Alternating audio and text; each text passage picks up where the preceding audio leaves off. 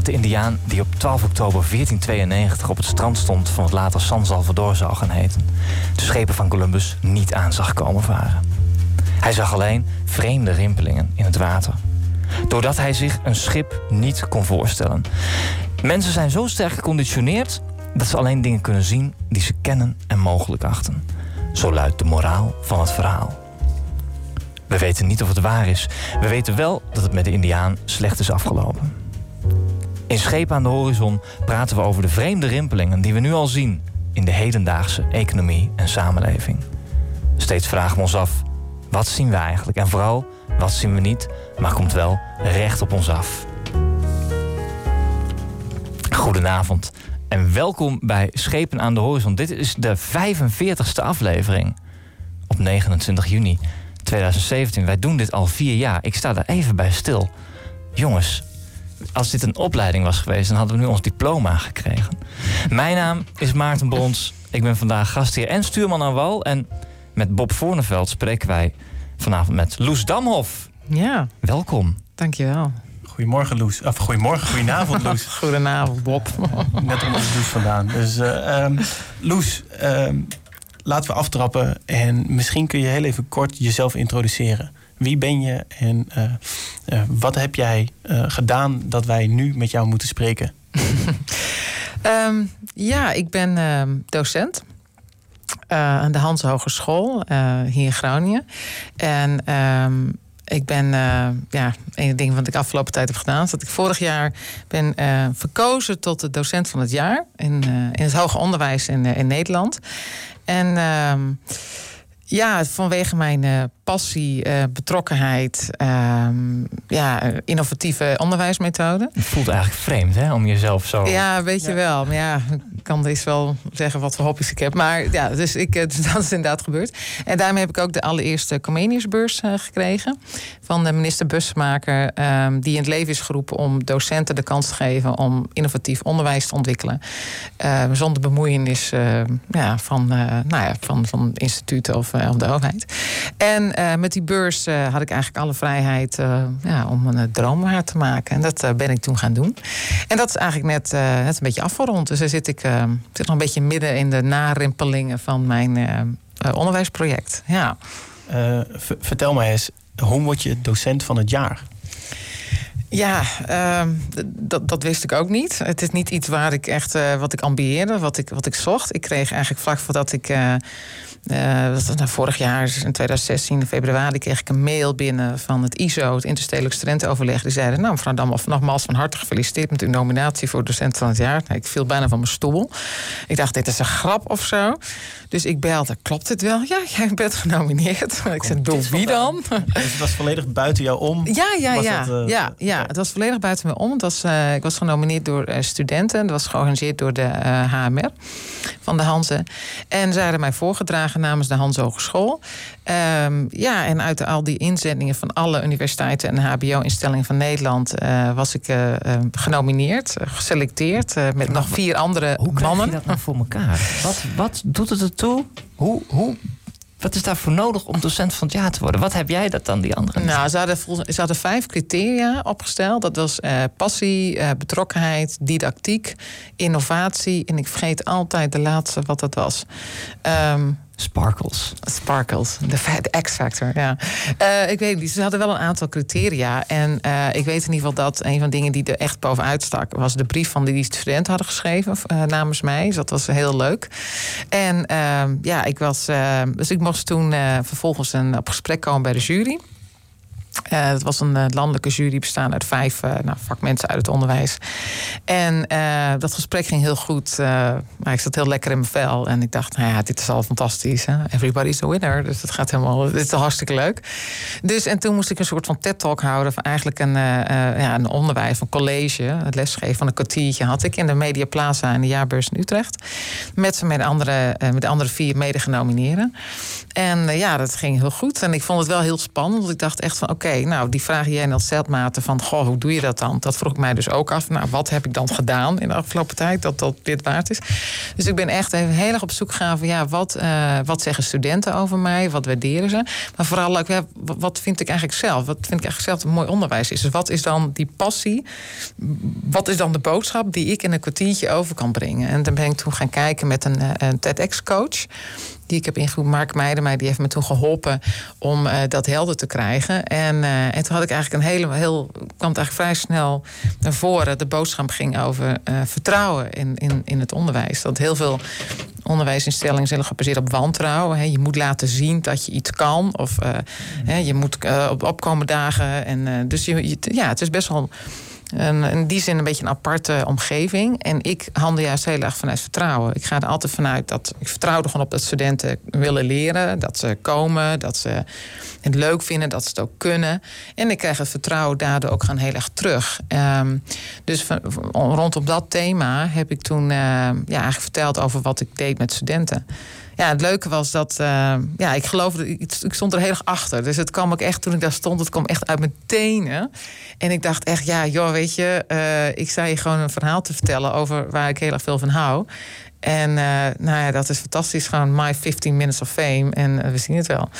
En ja, en dan sta je daar. Dan sta je echt iets te vertellen. wat gewoon heel erg klopt bij wie jij bent of wat je doet. Ja, en als je dan wint, ja, dat is een heerlijk gevoel. Dat was echt fantastisch. Kunnen we dat filmpje ook ergens terugzien? Uh, ja, sowieso. Is daar een opname van? Ja, zeker.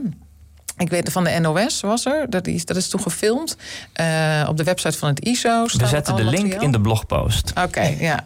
Ja, want ik weet nog wel dat ik toen uh, even moest bedanken. En ik zei echt helemaal te gillen en te doen. En dat ik zei van... Uh, ja, this must be what cocaine feels like. Zo schreeuw, schreeuwde ik. Maar gelukkig is dat niet opgevangen door de NOS.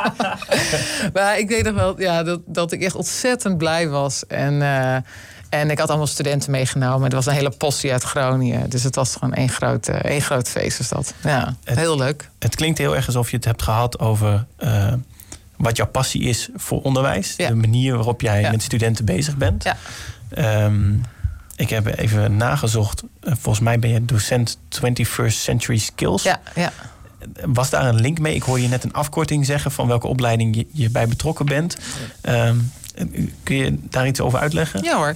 Ik was een tijd, ik ben eigenlijk begonnen uh, op de hand als. Uh, ik heb een tijdje Engels gegeven en daarna heel snel interculturele communicatie. Dus ik was vrij snel bezig met internationalisering, met internationaal onderwijs geven, lesgeven aan internationale studenten. En dus heel erg hoe ga je om met verschillende culturen, maar ook om, hoe implementeer je dat in ontwerp en design. Want mijn studenten studeren game design of app of webdesign of multimedia. En ja, dus op een gegeven moment begon ik uh, met het uh, opzetten van global en virtual classrooms. Dus op afstand samenwerken met studenten um, in internationale leeromgeving, maar dat is heel virtueel. Ja, dus langzamerhand begon ik me steeds meer te houden met, met de techniek of technologie in het klaslokaal. En uh, juist omdat ik ook uh, uh, studenten wil laten voelen wat het is om samen te werken met iemand die het niet ziet. Dus we moesten in kleine groepjes echt dingen produceren, zonder dat ze elkaar ooit in levende lijven zouden zien. En dat, uh, dat ging heel vaak over het uh, rondom het onderwerp globalisering. Dus hoe kun je verbinden met iemand zonder dat je fysiek elkaar ziet? En daar gaat globalisering natuurlijk vaak over. Kun je inleven in een ander, ook al is die ander aan de andere kant van de wereld. Heeft dat dan ook weer te maken met vertrouwen? Wat je dan ja, heel erg. Ja, heel erg. Want dan moet je, je moet dus, als je samenwerkt, en dat is in elke samenwerking zo, maar vooral als je elkaar uh, dus niet ziet, moet je vertrouwen hebben in elkaars intenties. En dat daar valt of staat eigenlijk mee. Dus als technologie faalt, en dat gebeurt natuurlijk uh, regelmatig, dat de verbinding wegvalt, hoe blijf je dan wel verbonden? Dus het ging ook echt over how to stay connected when you're disconnected. En dat, dat, die connection draait dus heel erg om vertrouwen. Nou, dus op een gegeven moment ben ik uh, hogeschooldocent 21st Century Skills geworden. En dat gaat dus daar heel erg over. Het gaat natuurlijk over een soort ja, digitale geletterdheid of kunnen omgaan met technologie, maar ook nadenken van ja wat zijn de ethische implicaties van deze techniek? Een nieuwe techniek vraagt om nieuwe ethiek. Dus ook um, als we straks allemaal, um, als heel veel dingen worden straks worden overgenomen, wat blijft er dan nog over? Wat is dan De, de, skills of the useless class, om het zo maar even te zeggen. En dat kom je heel vaak uit bij de, de 21st century skills. Dat zijn ook vaak de soft skills. Dus hoe kun je samenwerken? Hoe communiceer je met elkaar? Uh, empathie, uh, ethiek. Dus op een gegeven moment ben ik me daarmee uh, gaan bezighouden om een leerlijn te ontwikkelen die dat allemaal inhield. Wat dus echt vervlochten was in ons onderwijsprogramma.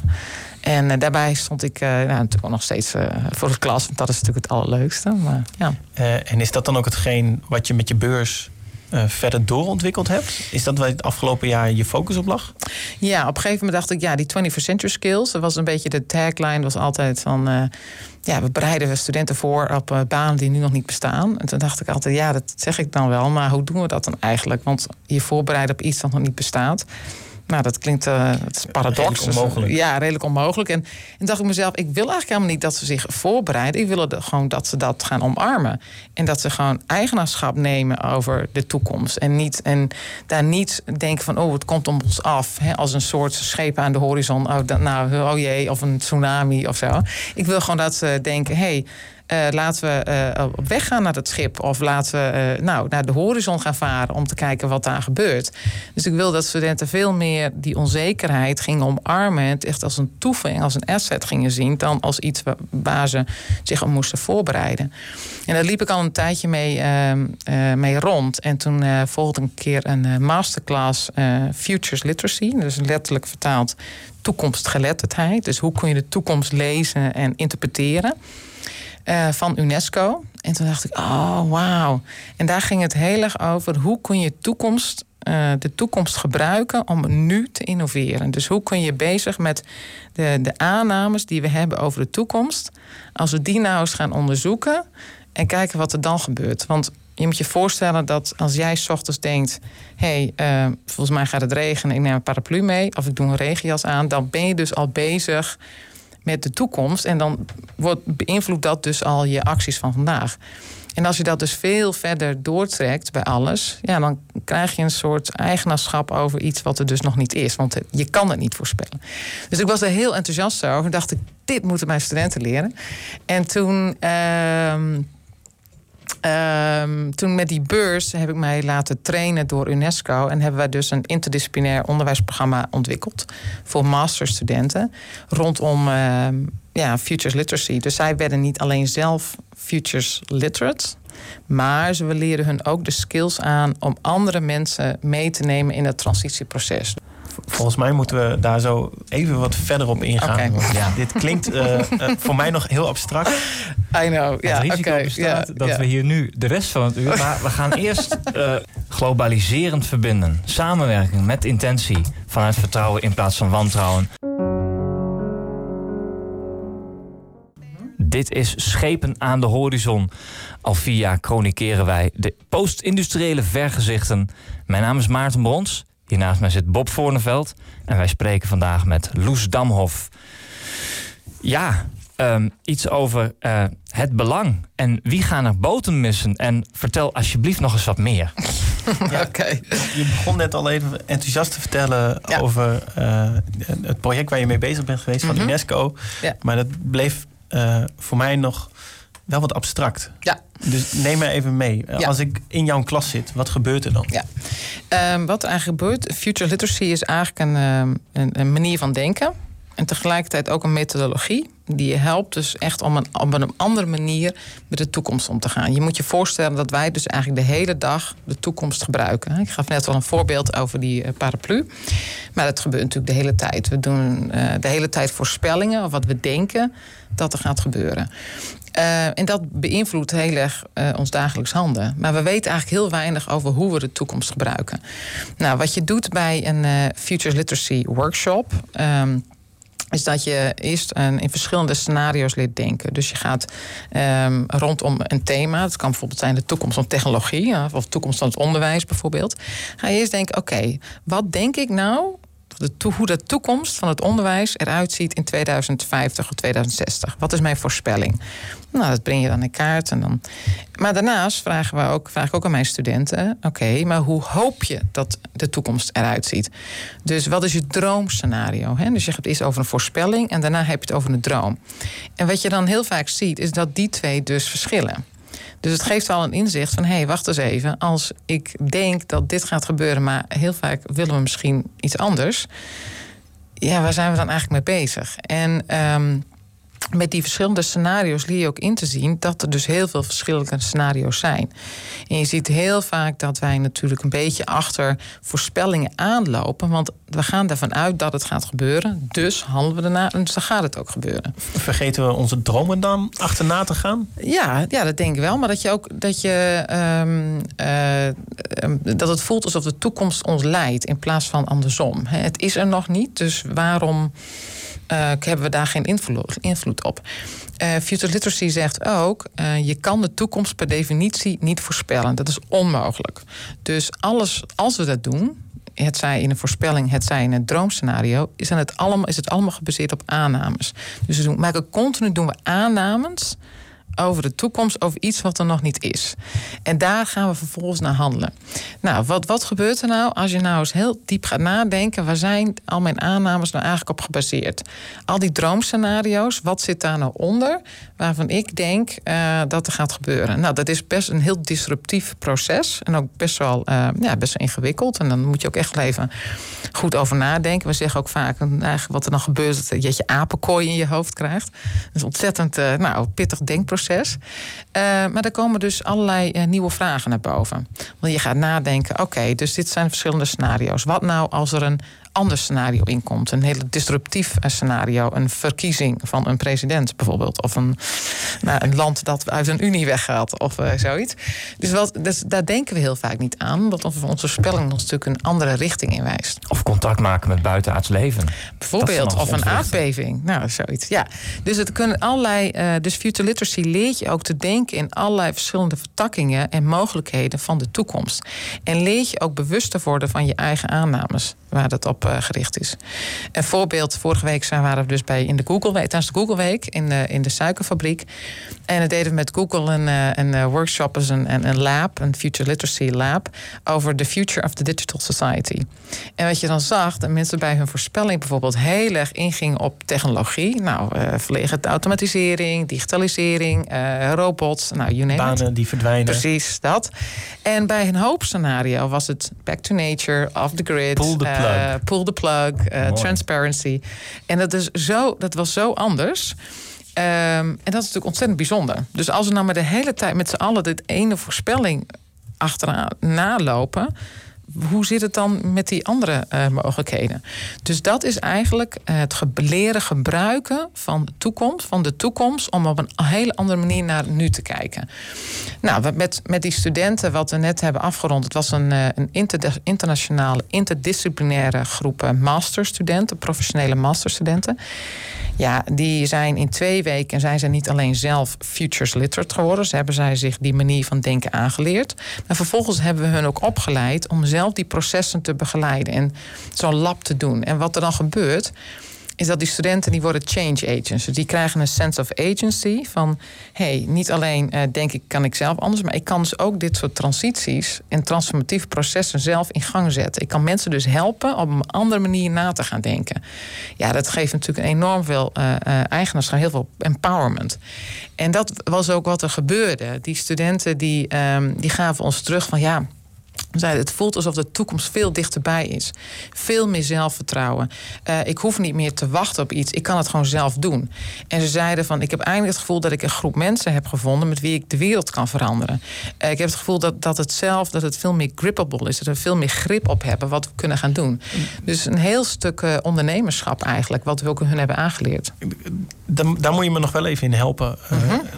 zeker als je het hebt over technologie. -huh. Dan heb je op dit moment al een paar hele grote monolithen die de wereld aan het beheersen zijn. Mm -hmm. uh, Google, Apple, Uber, noem het maar op. Hoe kan ik nou dan als kleine uh, Noorderling daar invloed op uitoefenen uh, en mijn misschien wel droom van off the grid daar nog vorm aan geven? Kan ik weerstand bieden tegen die strijd? Dat is een beetje dat wat denk ik heel veel mensen hebben een soort angstgevoel over. Ja. Uh, en, en daarom komt misschien ook wel die verschillen tevoorschijn. Precies. En dat angstgevoel wat jij hebt, het idee van oh, het overkomt me. Ik kan daar niks aan doen. Dat is dus, dan ben je dus bezig met de voorspelling. Je gaat van iets uit, terwijl jij natuurlijk ook een gebruiker bent. Je, jij staat natuurlijk ook, jij bent als gebruiker ben je natuurlijk ontzettend belangrijk in het proces van digitalisering. En natuurlijk kun je er iets mee. Maar het begint met niet te laten verlammen door complexiteit. Of laten verlammen door de grootte of de angst. Maar juist zelfvertrouwen te kweken. Dat je daar natuurlijk iets mee kunt. Natuurlijk kun je off the grid. Alleen het is vaak verandering en transitie. begint echt met een andere manier van denken. Een andere mindset. En daar gaat het dus over. En dat sense of agency en de call for action. Dus wat ga je dan volgens mij doen? En dat is dan de volgende stap. Um, en um, uh, dus voor, voor onze studenten was het uh, niet alleen heel belangrijk om op een hele andere manier naar een eigen project te kijken, maar ook te bedenken, nou, what's next? Weet je, wat ga ik dus doen? Uh, wat ik ga dus anders doen. Maar dat begint eerst echt met die mindset. Dus ik wil je deze van harte uitnodigen om toch een keer langs te komen. Nou, in mijn graag.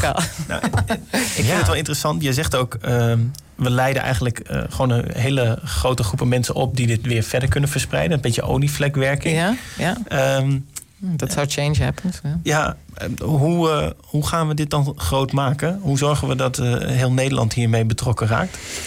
Um, of misschien nog wel groter? Ja, nou, UNESCO die uh, organiseert al uh, een aantal jaren van dit soort labs. Het zijn vaak twee of driedaagse labs waarin uh, nou, futures literacy wordt aangeleerd op basis van thema's. Want het kan soms heel specifiek zijn, de, de toekomst van een stad of een buurt, of toekomst van science of migratie. Maar ze doen het heel vaak in opdracht van overheden, NGO's en nog niet in het onderwijs. Dus ehm, daar zijn wij dus nu mee bezig. En dat gaat dus niet zozeer uh, in opdracht van iemand, maar vaak in samenwerking met. Dus wij hebben met die studenten hebben zij een lab met de gemeente Groningen gefaciliteerd, The Future of the Next City in 2057. Wat ook voor de gemeente Groningen ook uh, disruptief was. Dus ook van, oh ja, wij misschien moeten ons een hele andere vraag stellen. Um, en ze hebben ook een, um, een lab gefaciliteerd met het ministerie van Onderwijs over the Future of Education. Dus het begint uh, in, in het onderwijs willen we echt dat altijd studenten in samenwerking met dus professionals, ondernemers, um, docenten, onderzoekers. Juist die, die combinatie van verschillende perspectieven door culturen heen, door uh, leeftijden heen, generaties. Dus je maakt het weliswaar een lab, maar eigenlijk nodig je ze ook uit om niet in de lab te blijven zitten. Precies, ja, nee, absoluut. Het is juist de bedoeling dat uh, onze studenten, nou, dat, die, dat, dat gevoel van. Um, ja, agency, ja, hoe kan ik dat het beste vertalen? Uh, dat we dat dus meenemen, echt uh, uh, op zoek gaan naar uh, ja, om, uh, om veranderingen in de zorg, uh, waar studenten bijvoorbeeld in werken, of in energy. Want ja, heel veel dingen zijn natuurlijk uh, aan het veranderen. We vinden dat, dat ze moeten veranderen. We willen graag dat ze veranderen. Nou, daar spelen zij dus een hele belangrijke rol in. Ja, en hoe dat verder gaat, ja, op deze manier. Dus erover praten, mensen uitnodigen. en dat gaat eigenlijk heel goed, want het is, the, future is everywhere. Dus het, ja. En um, je zei, ik heb dit afgelopen jaar in de Hansen gedaan. Uh -huh. um, is dit iets wat nu bij Hansen standaard in het curriculum komt? Uh, ja, daar zijn we nu in ieder geval een aantal, uh, sowieso een aantal masterprogramma's. Daar zijn we nu druk aan het uh, inventariseren, onderhandelen. En is daar de bedoeling dat we willen gaan dus een, een, goede samenwerking met UNESCO op gaan starten. En dat dus in de masterprogramma's sowieso, van, sowieso een aantal beginnen we mee, dat we docenten gaan opleiden, dat de studenten worden opgeleid. En dat ja, de hand op die manier future-proof wordt. Dus echt klaar is voor, voor de toekomst met een andere manier van denken. En dat hoort echt ook bij die 21st century skills. Want alleen digitale geletterdheid is echt niet genoeg. Je moet ook weten van wat betekent dit? Wat zijn de consequenties? Wat gebeurt er nou? Als, uh, nou, als er een ander scenario, een reframe scenario inkomt, wat zijn de verschillende mogelijkheden? Wat vind ik hier überhaupt van? Dat hoort er ook echt allemaal bij. En da daar vult Future Literacy vult daarin echt een, uh, een heel groot gat. En uh, dan hebben we het nu over de HBO-studenten. Uh -huh.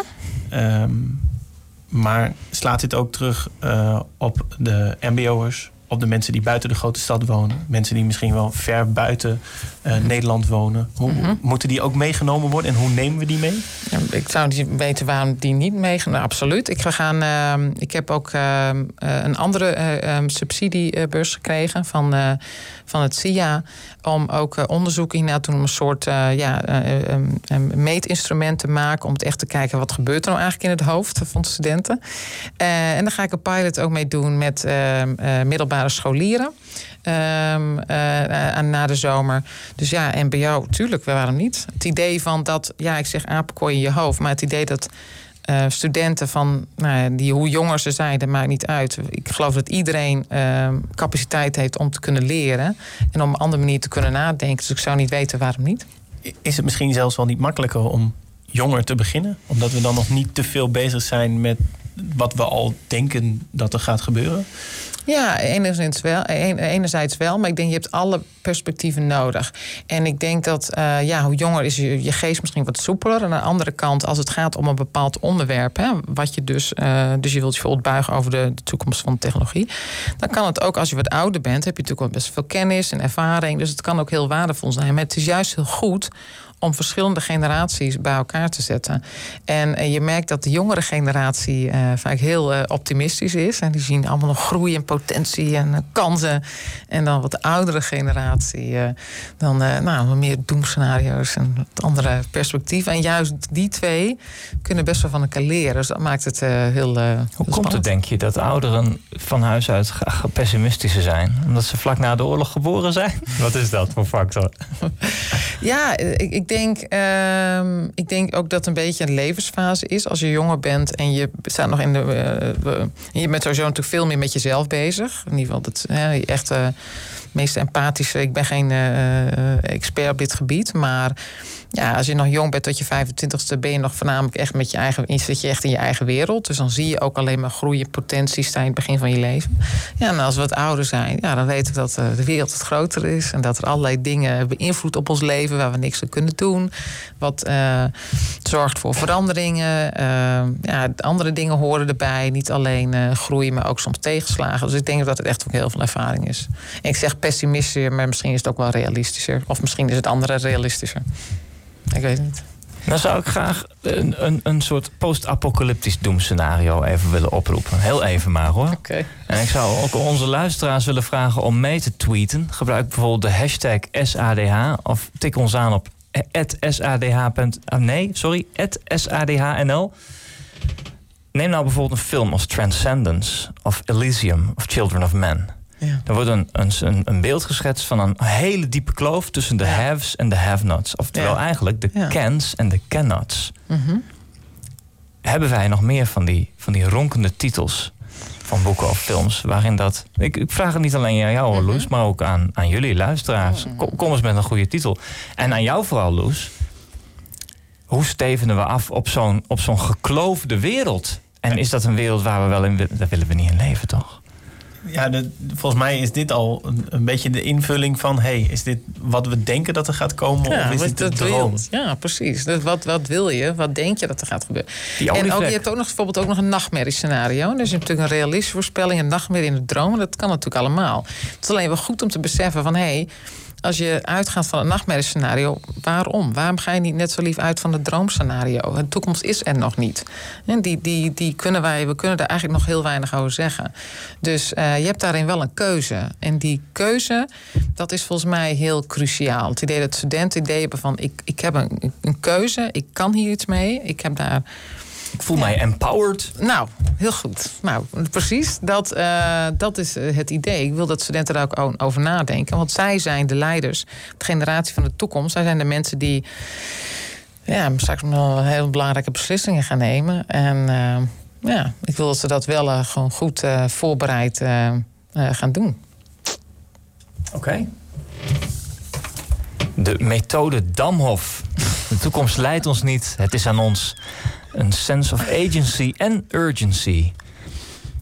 Dit is Schepen aan de Horizon. Vanavond spreken Bob en ik, mijn naam is Maarten Bons, met Loes Damhof, docent van de toekomst, kunnen we wel zeggen. Dit is Schepen aan de Horizon. Al vier jaar chronikeren wij de post-industriële vergezichten Steun ons door Bitcoin uh, over te maken. Of bestel iets via onze website op bol.com. Dat heet Affiliation. En dat zijn onze enige bronnen van inkomsten. Tweet ook gerust met ons mee. Ik werp een blik op het kraaiennest. Daar zit onze Stephanie van der A. Hebben we nog uh, responsen over uh, diepe kloven tussen mensen in de toekomst? Nee. Misschien komen die zometeen nog. Al onze vorige afleveringen staan ook op sadh.nl en gratis in de iTunes Store bij de podcast. Mijn naam is Maarten Bond. Naast mij zitten Bob Voorneveld en Loes Damhof.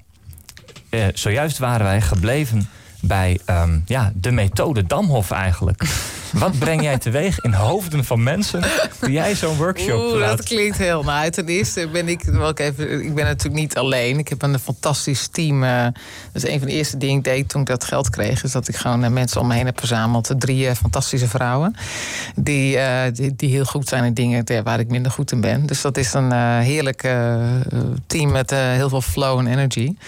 Dus dat was echt een feestje om mee samen te werken. Ja, en, dit, ja, en die studenten, ja, dat is altijd natuurlijk studenten altijd leuk. Het was echt uh, ja, heel mooi. Maar ja, wat doe je in het hoofd van studenten? Ik weet nog wel dat ik de eerste keer dat ik les gaf, dat was in China. Stond ik voor de klas voor 100 Chinezen. En ik wilde gewoon reizen. En ik dacht, nou ja, lesgeven, ga ik wel lesgeven of zo. En dat ik echt dacht. Uh, na de eerste les ging van alles mis. En dat ik na twee uur was ik echt kapot. Maar ik was ook zo energized. Ik was ook zo ongelooflijk gelukkig. Want ik vond het zo te gek. Maar ik dacht ook, jeetje, alles wat ik zeg, dat nemen ze gewoon aan. Weet je? Ik vond het echt heel heftig in het begin. En... Uh, en dat is eigenlijk soms dan realiseer ik nog wel eens, denk je, jeetje, dan zeg je iets, dan is het, ah ja, dan denk je, wauw, wat een, uh, wat een verantwoordelijkheid. Dat, ja, dat, soms dan uh, vind ik dat best wel heftig. Ja. Jij hebt daar je ikigai gevonden. Ik heb daar mijn ikigai gevonden. Ja, ja ik was sindsdien uh, was ik echt, echt verliefd op het beroep. Ja. ja, op het lesgeven, op het leren zelf ook. Ja, dat is echt. Ik, ik, vind het wel interessant. Je zegt in China lesgegeven. -huh dan kom je terug naar Nederland. Nou, hij is nog naar Moskou en Los Angeles. Maar...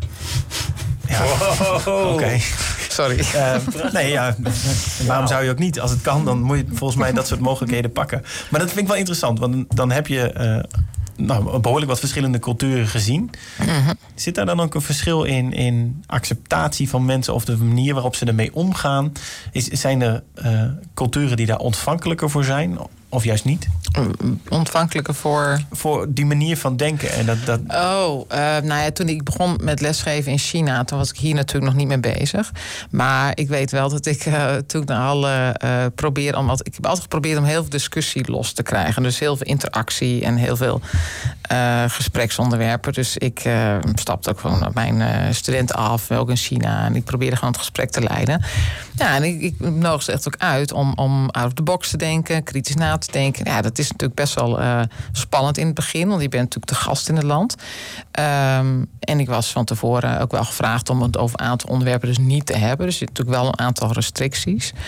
Dus ja, daar heb ik wel een uh, weg in proberen te vinden.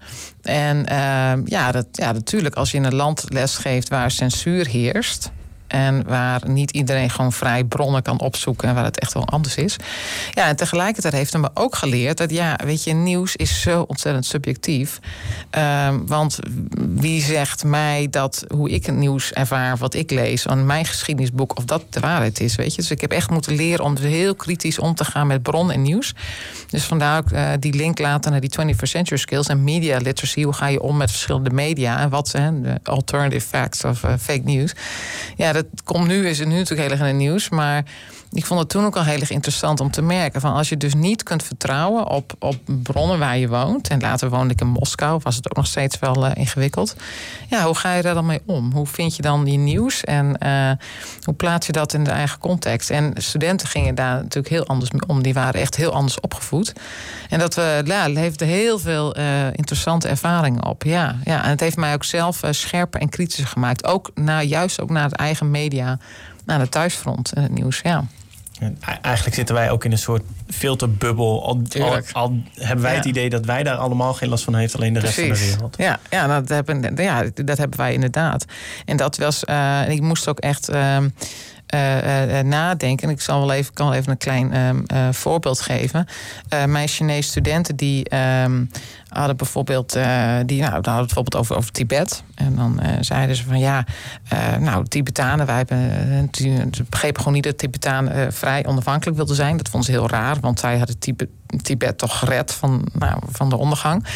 En ze zeiden van ja, het is gewoon altijd een onderdeel van, van China geweest en dat moet zo zijn. En dacht ik, ja, ik kan nu wel een preek gaan houden over wat ik heb geleerd. Maar ja, what do I know, weet je? Dat is natuurlijk een enorme westerse arrogantie. Dan zei ik, nou ja, ik weet het ook niet. Maar eh, misschien kun je gewoon eens gaan opzoeken waarom, wat hun standpunt is. En dan gewoon met elkaar vergelijken. Dan heb je in ieder geval een beter beeld. Ah, dat is dan wel een goed idee. En dan uh, gingen ze naar huis. Dan kreeg ik s'avonds een sms'je van ja. Uh, teacher, teacher, ik probeerde Tibetaanse websites te openen, maar alles was geblokkeerd door, door de overheid. En dan ja, het zou kunnen.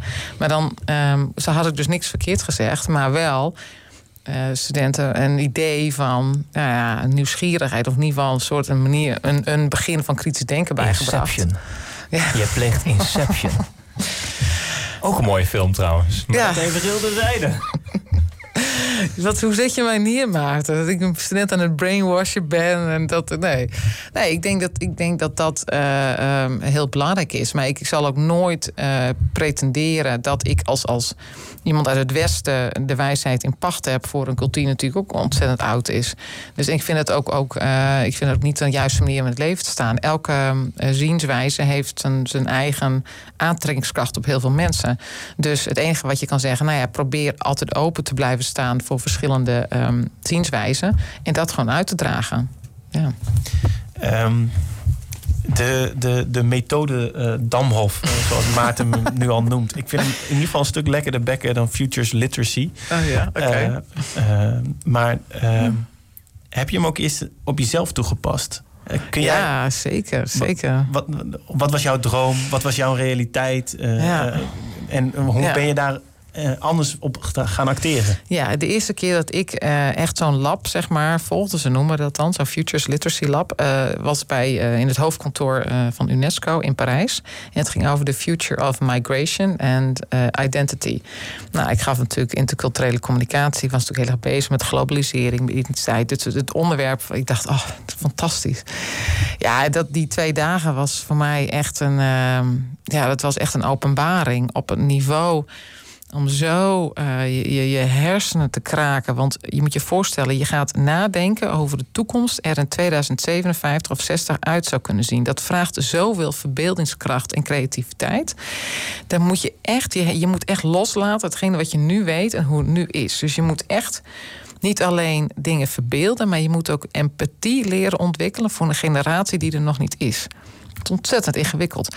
Dus wat er dus wat er bij mij um, uh, gebeurde, was. Um, ik, ik, ik, ik, had zo ontzettend veel aannames. dat ik dacht hoe, hoe de wereld. Ik ging er zo van uit dat, dat er heel veel landen en culturen. en dat de grenzen. En, en toen ik droomde. Um, uh, ging ik er ook vanuit dat de wereld zonder grenzen een fantastische wereld zou zijn. Dat, dat iedereen met elkaar overweg kon. Maar ik had er zo ontzettend veel aannames onder dat um, grenzen eigenlijk slecht zijn. Terwijl dat natuurlijk ook voor heel veel mensen ook een soort van bescherming was. Um, dus ik, ik, ik weet nog wel dat ik daar terugkwam en dat ik alleen nog maar meer, meer, meer op die manier wilde denken. En toen ik het lab deed over de Future of Education, was ik ook deelnemer toen is bij mij echt een droombeeld ontstaan over hoe ik onderwijs zou willen vormgeven. En dat was. Neem ons mee. Ik, ik, wil graag die droom horen. um, ik droomde, ik droom over een uh, onderwijs wat niet gebonden is aan uh, periodes van tijd. Uh, niet in ieder geval niet vier, vijf jaar en ook zeker niet in die volgorde. Dus dit een, eerst studeren en daarna werken. Maar dat we echt in, in, in, in een soort van ehm, rondom grote complexe problemen, dat mensen vanuit verschillende disciplines en bepaalde kennis of ervaringen samenwerken, ook door generaties heen, samenwerken aan complexe problemen en op die manier aan het leren zijn. En dat houdt niet op, of dat begint niet op een bepaald moment en houdt niet op op een bepaald moment. Dat is gewoon een ongoing process. En ik geloof ook heel erg in outdoors education. Dus ik zou het heerlijk vinden om iets met stadsontwikkelingen te doen in de favela's in Rio de Janeiro. Of dat we um, en dat het um, dat leren, echt het leven lang leren, dat je dat echt toepast. En dat je dus eigenlijk altijd student blijft. En het systeem wat wij nu um, uh, in hebben inge... Uh, ja, hoe dat nu bestaat. Dat, um, ja, bijna fabrieksmatig. Ja, en dat is, nou, wat ik ook zei, dus heel erg gebaseerd op wantrouwen. En zal ik echt ons heilig geloof in dat als, als je echt iets wil leren en uh, je hebt een ontzettend positieve leerervaring, dat kan een hele transformatieve ervaring zijn. En dat is zo iets fantastisch. Uh, dat zou ik niemand willen onthouden. En dat gebeurt nu wel uh, iets te vaak. Dus voor mij uh, zie ik onderwijs, nou, onderwijs leren als een ultieme, vrij, ultieme ervaring in vrijheid. En dat is heel iets anders dan wat ik nu ervaar. volgens mij stip je hem daar al aan, want er hangt al bijna een soort negatieve waarde aan het woord leren. Omdat we het heel erg associëren met het, het standaard onderwijs. Je moet, je zult. Ja, en, als je geen diploma's hebt, dan mag je hier niet komen werken. Ja, terwijl dat natuurlijk ook heel erg aan het veranderen is. Want ja, diploma's het gaat nu steeds meer over portfolio's, over ervaringen en over skills en zo.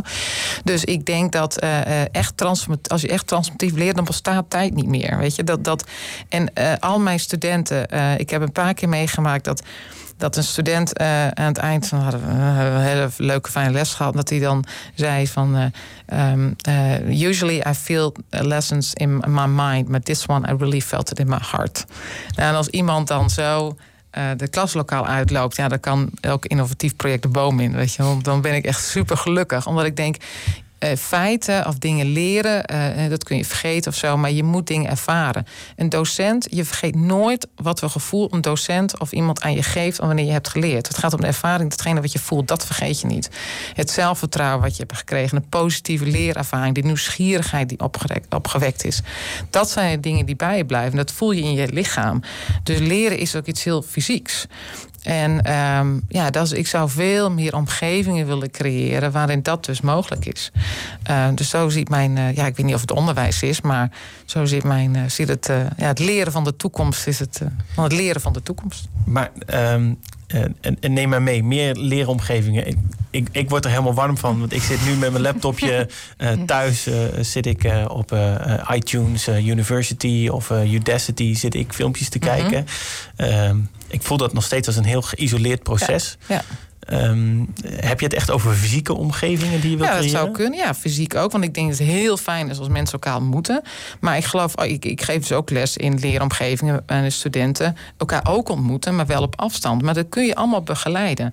Je kan studenten leren empathie te hebben voor iemand die ze niet zien. Je kan, je kan uh, leren om uh, jezelf in andermans schoenen te plaatsen. Je kan leren om vertrouwen te hebben. Dat kun je allemaal uh, leren. En uh, ik denk dat wij dat, dat we van nature dingen willen leren ook. Dat we daar als mens zijn. En dat we daar dus op voor moeten bouwen. En hoe dat eruit komt te zien, daar kan ik geen kan ik wel een voorspelling over doen, maar daar droom ik wel over. En het kan heel fysiek zijn en heel erg op locatie, maar ook uh, een deel uh, digitaal. Dus, um, maar het valt of staat altijd met um, de co connectie tussen hoofd en hart. Dat is volgens mij ontzettend belangrijk. En als je wel alles wat je ervaart en wat je doet, dat onthoud je gewoon het meeste. En daar leer je het meeste van. En uh, wow. Mooi. En eh, het klinkt eh, in, in, in jouw woorden nu uh, ook bijna als een uh, sociaal proces wat je echt met elkaar moet doen. Ja, ja. En dat is een beetje een tegengeluid ten opzichte van alle individuele cursussen die ik juist online aan het doen ben. Ja, ik denk dat je, ik denk dat je ontzettend veel leert van elkaar. Dat het ook heel belangrijk is. Moet je voorstellen dat als ik voor een klas studenten sta, iedereen komt daar binnen met zijn eigen rugzak, met zijn eigen ervaring, met zijn eigen filter. Dus als ik iets vertel, dan komt het bij al die studenten ontzettend verschillend binnen. En, um, uh, en juist al die ervaringen en hoe die, die, die, die filters, als je dat met elkaar deelt, dat geeft zoveel rijkere ervaring dan wanneer je ervan uitgaat dat iedereen op hetzelfde manier kennis tot zich neemt. Dat kan natuurlijk niet. Dus ik geloof heel erg in dat er heel veel kennis al in ons zit. Dat is echt een soort, soort Socratische manier van lesgeven. het zit al in je. Je hoeft alleen maar de juiste vraag te stellen. Dus ik geloof dat juist in samenwerking met elkaar, dat dat. Uh, Um, uh, en dat betekent niet dat alles samen moet. Ik kan ook heel goed een boek lezen en daar heel veel van leren in mijn eentje. Maar um, dat het altijd, uh, dat het component van samen, dat het wel altijd een onderdeel, een heel belangrijk onderdeel is. Ja, absoluut. Ja. En laat je de studenten elkaar ook vragen stellen. Want dan ja. ben jij niet de, de heilige op het altaar. Nee, nee, dat is sowieso nooit een goed idee. Ik denk ook dat als je docent, uh, een goede docent blijft ook altijd leren. Dus altijd, blijft altijd een student.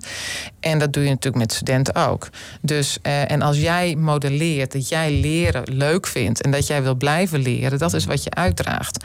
En als je dat zelf niet gelooft, als je zelf op bent gehouden met leren, hoe kun je nou oh, hemelsnaam die studenten bijbrengen dat zij nog wel verder moeten leren? Dat kan niet. Je, bent een je modelleert daar het goede voorbeeld. Je bent straks uh, docent van het jaar af. Dat ben ik nu al. Dat is al een nieuwe.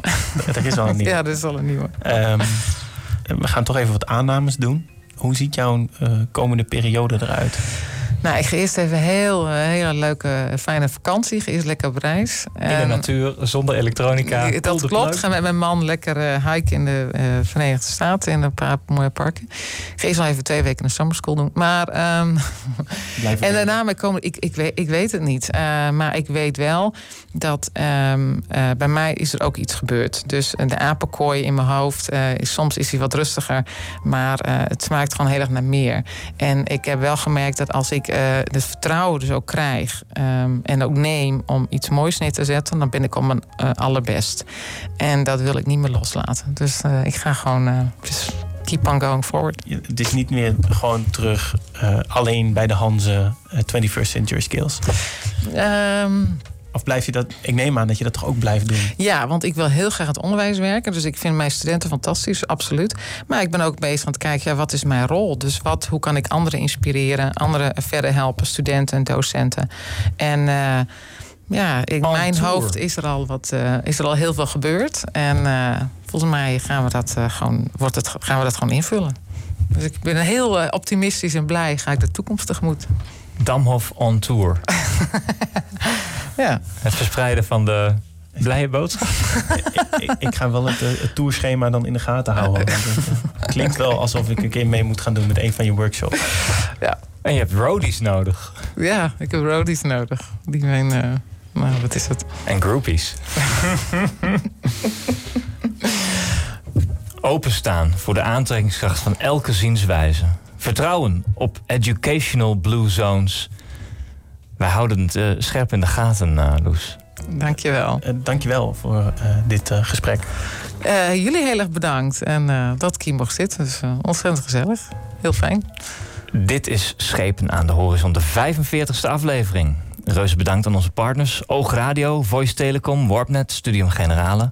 We broeden nog op enkele plannen om deze zomer met interviews rond sommige thema's aan de slag te gaan. Houd de geëikte kanalen in de gaten, zoals sadh.nl en de podcast Bronnen. Schepen aan de horizon wordt gemaakt door Ronald Mulder, Liekle de Vries, Juri Sepp, Marloes Dekker, Stephanie van der A, Bob Voorneveld. Mijn naam is Maarten Brons, techniek Ruurtjan de Mulder. Onze speciale gast van vanavond, Loes Damhoff, zeer dank voor je komst in de studio. Graag gedaan, dank je wel. Voor nu bedankt en tot de volgende keer.